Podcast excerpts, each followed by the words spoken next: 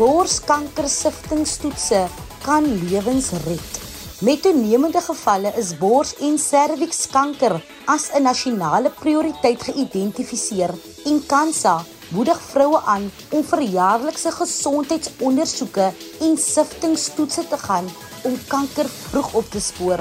Buite nie melanoom velkanker is borskanker die mees algemene kanker wat vroue in Suid-Afrika affekteer met 'n leeftydrisiko van 1 in 27 volgens die 2019 nasionale kankerregister. Daar is groeiende bekommernis dat meeste vroue met laatstadium kankers gediagnoseer word wat tot 'n moeilike prognose lei. Anel Bezuidenhout kom deel vanaand haar reis met kanker tot nou en ook meer oor haar veldtog beklei soos Anel wat 'n groot pink vragmotor insluit. En dan kom deel Chanel Kok later vanaand hoe kanker nie net die gediagnoseerde affekteer nie, maar ook hul families. Hallo en welkom by jou Vrydag aand Kompas kuier saam met my Christlyn Cias. Onthou jy kan saamgesels en ons tweet by ZARSG of laai 'n inskrywing in die sosiale media. Onthou net om die hitsmerk Kompas RSG te gebruik sodat ons dit kan sien. Jy kan ook 'n e-pos na my stuur na christlincias1@gmail.com. Anel is in Junie 2021 met fase 3 triple positiewe borskanker gediagnoseer. Sy het ook haar eie veldtog begin en samel nou fondse in vir vroue wat dieselfde medikasie as sy vir behandeling benodig. Anel, baie welkom hier by Kompas. Wanneer is borskanker by jou gediagnoseer en hoekom het jy besluit om aanvanklik dokter toe te gaan? Baie baie dankie dat ek deel kan neem aan jou program. Dis my baie groot voorreg. Op 25 Junie 2021 het my manne abnormaliteit in my bors gesien toe ek eendag my hare staan in Jallet en ehm um, daar het 'n duik ingeval reg by my sternum. En hy het my baie hard aangespreek om dokter toe te gaan. Ek wou dit net afmaak as sommer niks nie want ek het in die tuin gewerk en hiernatoe en daarnatoe, maar die stemmetjie in my het my gewaarsku om proaktief te wees met 'n slegte familiegeskiedenis. Het my dokter onmiddellik 'n uh, biopsie gedoen in sy spreekkamer onder lokale verdowing. Dit was bietjie baanbrekerswerk.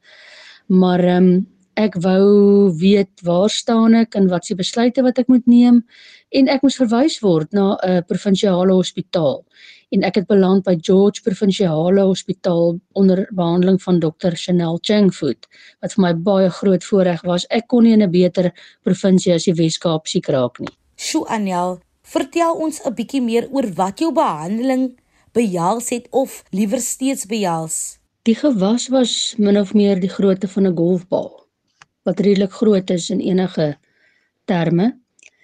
En ek het besluit om mastektomie te kry. 4 van die 15 kliere rondom my bors was ook 'n uh, merkers getoon van kanker. En ek het onmiddellik 'n uh, hormoonblokker begin gebruik by die naam van tamoxifen wat my in 'n vroeë menopause gesit het met allerlei probleme wat daar rondom ook maar gebeur in 'n ou se lewe. Maar ek het 8 chemosessies en 15 bestralingssessies gehad. Ehm um, ek is steeds op tamoxifen. Maar as 'n staatspasiënt kon ek nie resepte ontvang nie. Dis 'n baie baie duur medikasie en ek het omtrent 25 dosisse nodig gehad. Maar ons is positief dat ons op die regte pad is tans. Dankie dat jy daardie inligting met ons gedeel het. Sedert jy gediagnoseer is, watter struikelblokke moes jy oorkom? Ek dink van my grootste uitdagings na diagnose was om te kan onderskei tussen feit en fiksie. COVID het baie onsekerheid gebring en finansiëel was daar baie uitdagings vir jouself werk. Ehm um, skielik het jy heeltemal ander behoeftes wat jou dieet aanbetref en as hulle vir my sê ek moet slaai eet dan dink ek onmiddellik o, vader, 'n slaaiblaar kos dubbel soveel as 'n sny brood en uh, mense om jou gaan dood. En ek het van die 6ste chemo af geweet dat ek nie hersep in die staat kan kry in die Weskaap nie omdat dit so duur is. En ek het net besef dat as ek dit nie kan kry nie moet ek my eie plan maak. Verder het ek uh, baie neuropatie gehad in my hande en voete my konsentrasie was aangetast Ek het baie lank geneem voor ek selfvertroue kon kry om weer in my ateljee te kon werk en ek voel my werk is nog nie op standaard waar dit was nie. Maar met die genade van bo kom 'n ou daardeur en maak mens dit aan die einde van die dag. As 'n manier om geld te genereer, het jy toe gedurende die inperking begin verf. Sal jy asseblief 'n bietjie meer daaroor deel? Op die derde dag na inperking het um, ek my man teen die mure uitgedryf en hy het gesê verf net verf my iets en ek het nou gewonder wat sal dit nou wees en hy het besluit nie hy wil 'n hy wil 'n Jack Daniel's bottels op die yskas hê en ek het nie kans gesien vir glas nie en ek het vir hom verduidelik ek het nie formele kunskwalifikasie of enige iets nie ek kan nie skilder soos hierdie mense in die dorp nie. En hy het toe besluit ek moet 'n Glenrich visblik vir hom verf. En die ding het nogal verbasend goed uitgekom en hy het dit gestuur vir 'n pelly en 'n pelly se pelly en 'n verjaarsdag geskenk vir iemand het gevolg en 'n Vadersdag geskenk en 'n ou het 'n foto gestuur van 'n motorfiets en 'n ander ou van 'n bakkie en 'n ander ou van 'n boot en 'n so aan. En ehm um, ek het plaas temas, ek hou van plaas temas en ek uh, het nie eintlik 'n formele kwalifikasie nie, so ek was maar baie senuweeagtig. Ek verf akriel gemengde media onder die naam Anel Marie Besuidnout Art en dit gee vir my baie vryheid. Wat 'n wonderlike storie Jy het ook jou eie veldtog Fight Like Anel met die webwerf glovesandroses.com as die dryfveer agter die veldtog begin. Vertel ons 'n bietjie meer daaroor. Waaroor handel dit? Ek het drie wonderlike vriendinne wat koppe bymekaar gesit het om 'n platform te skep om fondse in te samel vir my vir die kry van Herseptin. Nou Gloves and Roses het 'n Facebookblad en my slagspreuk is Like Canal. Die idee was om 'n NPO te stig en dan as ons iemand sou help, sou dit wees Fight Like Tembe of wat ook al die geval is nie. Ehm um, daardie veld tog is ook gerig steen deur Adolf Stolze van Megatrans in Gauteng wat 'n trok pink geverf het en die trok se lese is ook Fight Like a Girl en dit word gekoppel aan and Roses en dit beweeg oral in die strate en op hoofweë rond. So as jy daardie trok sien, is dit waaroor dit gaan en dit is maar net om eer te bring aan vrouens wat daagliks veg. Sy ma het ook kanker oorleef en um, ons bring hulde aan al die die mense wat so hard veg om te oorleef daar buite. Kompas, jou gids tot jonk wees. Wat hoop julle om te bereik met hierdie pink trok op die pad? Die pink trok was vir ons 'n verpersoonliking van stille krag vir my in elk geval. 'n Agassi is een van die sterkste trokke wat daar is, my opinie. En dis 'n trok wat baie swaar vrag baie lank kan dra. Ehm um, dis ook 'n trok wat 'n baie spesifieke soort grill het en dit is my verskriklik lekker om daai trok se grill te verf, maar dit daar gelaat. Ehm um, die feit dat daar so 'n koste aangegaan word deur 'n privaat persoon om hulde te bring aan vrouens wat dag tot dag opstaan en die hoeksteen is van ons gemeenskappe. En dan die trok nog stene aanry daarby ook. Ehm um, is vir ons nou nogal 'n baie groot eer. Ek kan nie glo iemand so 'n vreemde persoon, 'n kliënt doen so iets nie. Dis absoluut net merkwaardig en ons wil bewusheid kweek. As jy daai trok sien, druk jou hoeter en waai vir hom want dis waaroor dit gaan. Fight like a girl. Anel, en hoe gaan dit nou met jou? Met my gaan dit nou verbasend goed. Ek glo ek het 'n nuwe normaal gevind met die genade van bo en met die hulp van my familie is ek terug op die privaat mediese fonds wat ek gehad het voor my kontrak beëindig is en ehm um, as gevolg van COVID en ek het 'n privaat kapasiteit uh, 'n uh, onkoloog gesien verlede week Vrydag bloedtoets laat doen en alles is klop dusselboom. My man is ongelukkig in Julie 2022 gediagnoseer met prostaat en blaaskanker en hy is tans 'n palliatiewe pasiënt um, met kanker wat versprei het na sy skelet. Maar ons is optimisties positief dat sy omstandighede ook gaan stabiliseer en dat ek meer tyd gaan hê om te spandeer aan Gloves and Roses en die stig van 'n NPO en 'n verskil kan maak in mense se lewens soos wat mense in my lewe 'n verskil gemaak het met hierdie reis waarop ek tans is. en die glas is beslis meer vol as wat hy leeg is. Anel, jy's een van daardie mense wat positiwiteit uitstraal en 'n mens kan nie anders as om moed te skep uit jou nie. Dink jy mense besef die koste wat gepaard gaan met behandeling wanneer jy nie mediese fondse het nie? Ek dink die mense besef wat is die grootste uitdaging as jy nie mediese fonds het nie. Myne was byvoorbeeld vervoer. Ek kon nie openbare vervoer gebruik nie omdat my immuniteit so laag was. Nie eers met 'n masker nie. Ek het van my eerste chemo af my bloedtoets gedop. My man moes my hospitaal toe neem. Ons het brandstof nodig gehad. Hy kon nie ingaan nie. Hy moes buite in die kar sit en wag. Ek moes kos, jy weet, saamneem of geld hê om ietsie daar te koop. Daar was baie mense wat half 3 en 3 in die oggende ry van naburige dorpe met die bussie om betyds daar te wees en dan kom hulle eers vanaand 11:00 12:00 in sê net maar Liugamka of waar ook al waantoe hulle op pad terug is aan. Ehm um, jy het ligtyd nodig vir jou selfoon. Ehm um, jy het nog steeds koopkrag nodig. Jou dieet verander. Al die vitamiene en sitrusode en dinge word nie deur die staat gegee nie want dit hou nie 'n maand nie. En ja, mense het baie ekstra dingetjies wat niemand aan dink nie. Ek hoor jou en dink jy dan nou daar moet meer bewusmaking geskep word rondom borskanker en vrouens wat hulself en hul borste moet ondersoek? Ek dink regtig ehm um, daar moet meer bewusmaking geskep word rondom borskanker. Meisies moet op 'n vroeë ouderdom geleer word om hulle borste te ondersoek en wat die waarde daarin is. Daar's verskillende soorte kankers. Baie van die vrouens wat daar gesit het, het nie eens geweet wat se tipe kanker het hulle nie. Daar was 'n groot taalkwessie ook in van die hospitale en ek weet daar is nie altyd iemand wat kan vertaal nie baie van die mense is nie geletterd nie. Materiaal moet so ontwerp word dat 'n ongeletterde ou ook kan verstaan wat daar aangaan. Daar is stigmas en brûe wat regtig afgebreek kan word en uh, meer mobiele borskanker mammogram fasiliteite miskien. Ek weet geld is maar oral skraps, maar ek dink regtig ons vrouens op die platteland suig bietjie aan die agterste speen. In plaas van in sak en as gaan sit, het Anel Bezuidenhout besluit om te beklei en nie net vir haarself nie, maar ook vir ander vroue en dit is bewonderenswaardig. Indien jy pas ingeskakel het, welkom by Finanse aflewering van Kompas. Ons gesels vanaand oor borskanker en die bewusmaking rondom hierdie siekte. Ken jy iemand wie met borskanker gediagnoseer is?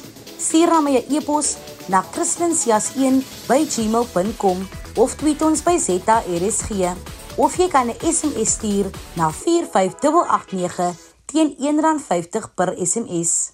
Chanel Kok het nie self die pad met kanker gestap nie, maar het wel gesien hoe haar ma met hierdie siekte gekonfronteer was. Sy kom deel nou hoe kanker nie net sy slagoffer beïnvloed nie, maar ook hul families. Welkom by Kompas Chanel en baie dankie dat jy besluit het om julle verhaal te kom deel. Vertel ons 'n bietjie meer oor hoe kanker al jou lewe beïnvloed het. Kanker het my lewe beïnvloed in verskillende maniere. Dit het letterlik my baarmoederhouer kom wegvat. My ma is die jaar uh 2023 is sy nou 4 jaar oorlede van kanker. Ja, dit was eintlik my seer staat breek. Dit het my laat besef dat ja, die lewe is so kort en dit het my bewus gemaak van die maand van Oktober. Ek het baie belangrike moments ervaar so in my ma se net hy hy hy physical presence soos byvoorbeeld die dag van my troue en die pyn van my ma se dood het my laat bloei met die ink van my pen wanneer ek gedigte skryf oor my ma, Margaret Angeline Kok. Baie dankie vir die deel Chanel. Wanneer was jou ma met kanker gediagnoseer en wat was jou eerste gedagte toe jy die nuus hoor? Ehm um, dit was omtrent in 2014 gewees. Ek onthou my pa het vir my my tweede oudste suster na hulle kamer toe geroep. My ma het daar by kooi gesit en my pa het eintlik vir ons vertel dat my ma borskanker het. Ja, dit was 'n groot skok gewees en ek het net begin uitbars van die huil en my ma drukkie gegee. ek het toe gedink dat ek kan letterlik my ma verloor en ek kon nou my pa toe vir ons gesê kyk ons moet nou jou ma by staan en net vir um, hulp om die ding te veg. Ek kan dit goed glo. Dink jy daar word genoeg gepraat oor borskanker en die gevare rondom hierdie siekte? Ek sal sê dat ek dink dat daar word gepraat oor borskanker en die gevare daar rondom, maar nie genoeg nie. En om eerlik te wees in my geval, het dit begin om belangrik te word toe dit iemand na aan my raak. En ek het ook eers Oktober geïdentifiseer as 'n maand wat Halloween vier. Maar as gevolg van my ma se borskanker het ek toe besef hierdie maand Oktober is 'n maand wat responsible is nie net vir Halloween nie, maar ook vir die bewusmaak van borskanker. En ek is baie dankbaar vir die maand van Oktober wat borskanker uitlig en die feit dat ons nou oor dit praat sal hopelik bydra tot die bewusmaking van borskanker. Ja, ek sê altyd wysheid is mag. Ondersoek jy gereeld jou borste? Ek was definitief meer bewus van my borste na my ma gediagnoseer is met borskanker. As ek voel dat iets voel reg is, dan sal ek dokter toe gaan um, net om op te check. Dis iets baie baie belangrik veral as daar familiegeskiedenis is van kanker. Ek hoor jou, ek dink voorkoming is uiters belangrik. Wat dink jy is die gesprekke wat meer gevoer moet word om bewusmaking rondom hierdie siekte te skep? Ek dink dit is iets wat nie maklik is nie. As 'n mens nou dink dat die liggaamdeel wat vir jou laat voel soos 'n vrou kan ook jou lewe in gevaar insit is, is scary. En ek dink ook ons moet dit deel maak van die gesprek van selfcare. As vroue pamper ons mos ons naels, voete en hare, so ons kan die bewusmaking rondom hierdie siekte inglip in 'n gesprek. Soos byvoorbeeld as jy nou praat met jou beste vriendin, miskien sê jy, "Kyk ek al wanneer laas was jy vir 'n borskanker check-up. Ek gaan in Oktober wil jy saamkom.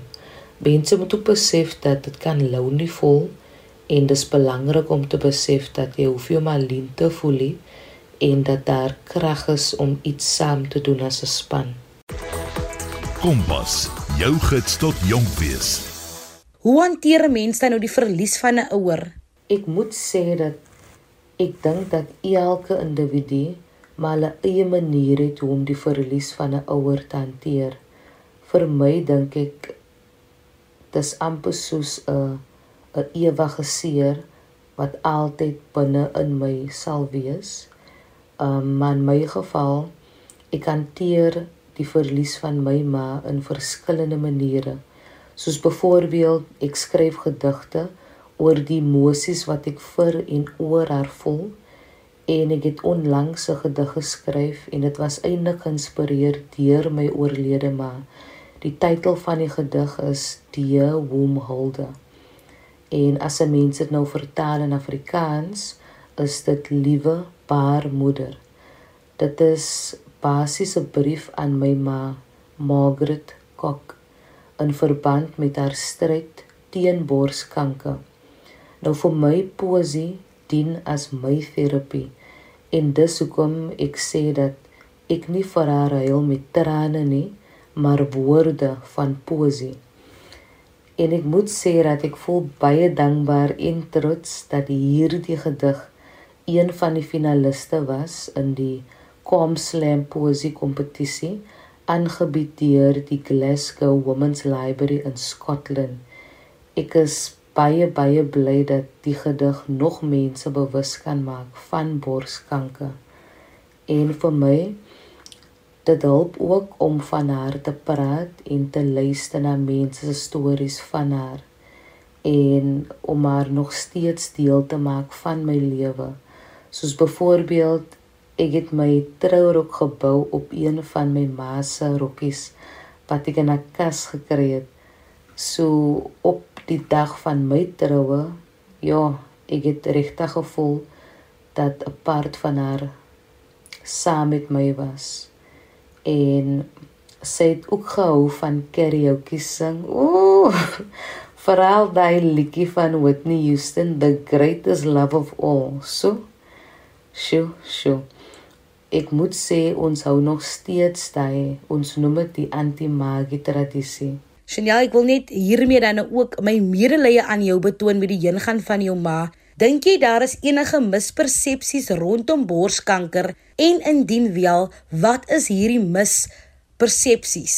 Om eerlik te wees, ek moet sê dat in my ervaring was dit die idee dat dit nou die einde van jou lewe is. En my kragtige moeder het daai persepsie van my verander. Toe sy 'n nog 'n 6 jaar lewe nadat sy gediagnoseer is met borskanker. En ek dink ook 'n nog 'n mispersepsie is dat dit net met ouer vrouens gebeur. Nou my ma was maar net 40 toe sy gediagnoseer is met borskanker. En dit beteken dat dit kan jong vrouens ook affekteer en nie net die mispersepsie van dat dit gewoonlik ouer vrouens is nie. En wat beteken borskanker bewusmakingsmaand dan nou vir jou? vir my persoonlik beteken Oktober 'n maand wat omgee vir die vrouens wat geaffekteer is deur borskanker.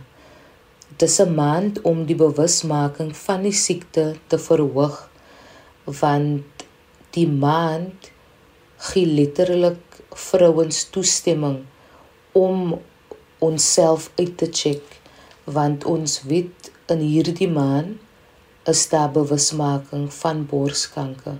So jy hoef jou maar linig te voel, dit is letterlik daai maand om jouself toestemming te gee om jouself uit te check en dis ook 'n maand waar jy jou ondersteuning kan wys. Soos byvoorbeeld daar was 'n vanran uh die vanran se naam was Cancer vanran wat plaasgevind het.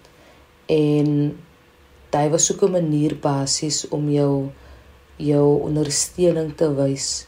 En Oktober is ook 'n maand waar mense regtig kan dink aan al die vrouens wat letterlik veg om te lewe. Sjoe, kragtig. Borskanker is die mees algemene kanker onder vroue.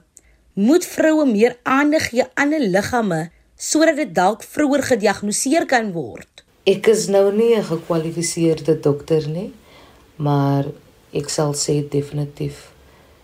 Ek onthou voor my ma gediagnoseer was met borskanker, het sy al vir 'n tydjie ongemaklik gevoel. En ek onthou ons buurvrou Auntie Lily, sy was 'n goeie vriendin van my ma gewees. En sy was eintlik die een wat vir my pa vertel het van my ma se pyn naby een van haar borste. So nadat ons uitgevind het van my ma se borskanker, my ma het my die knop laat voel en dat dit so 'n blou kleur gehad.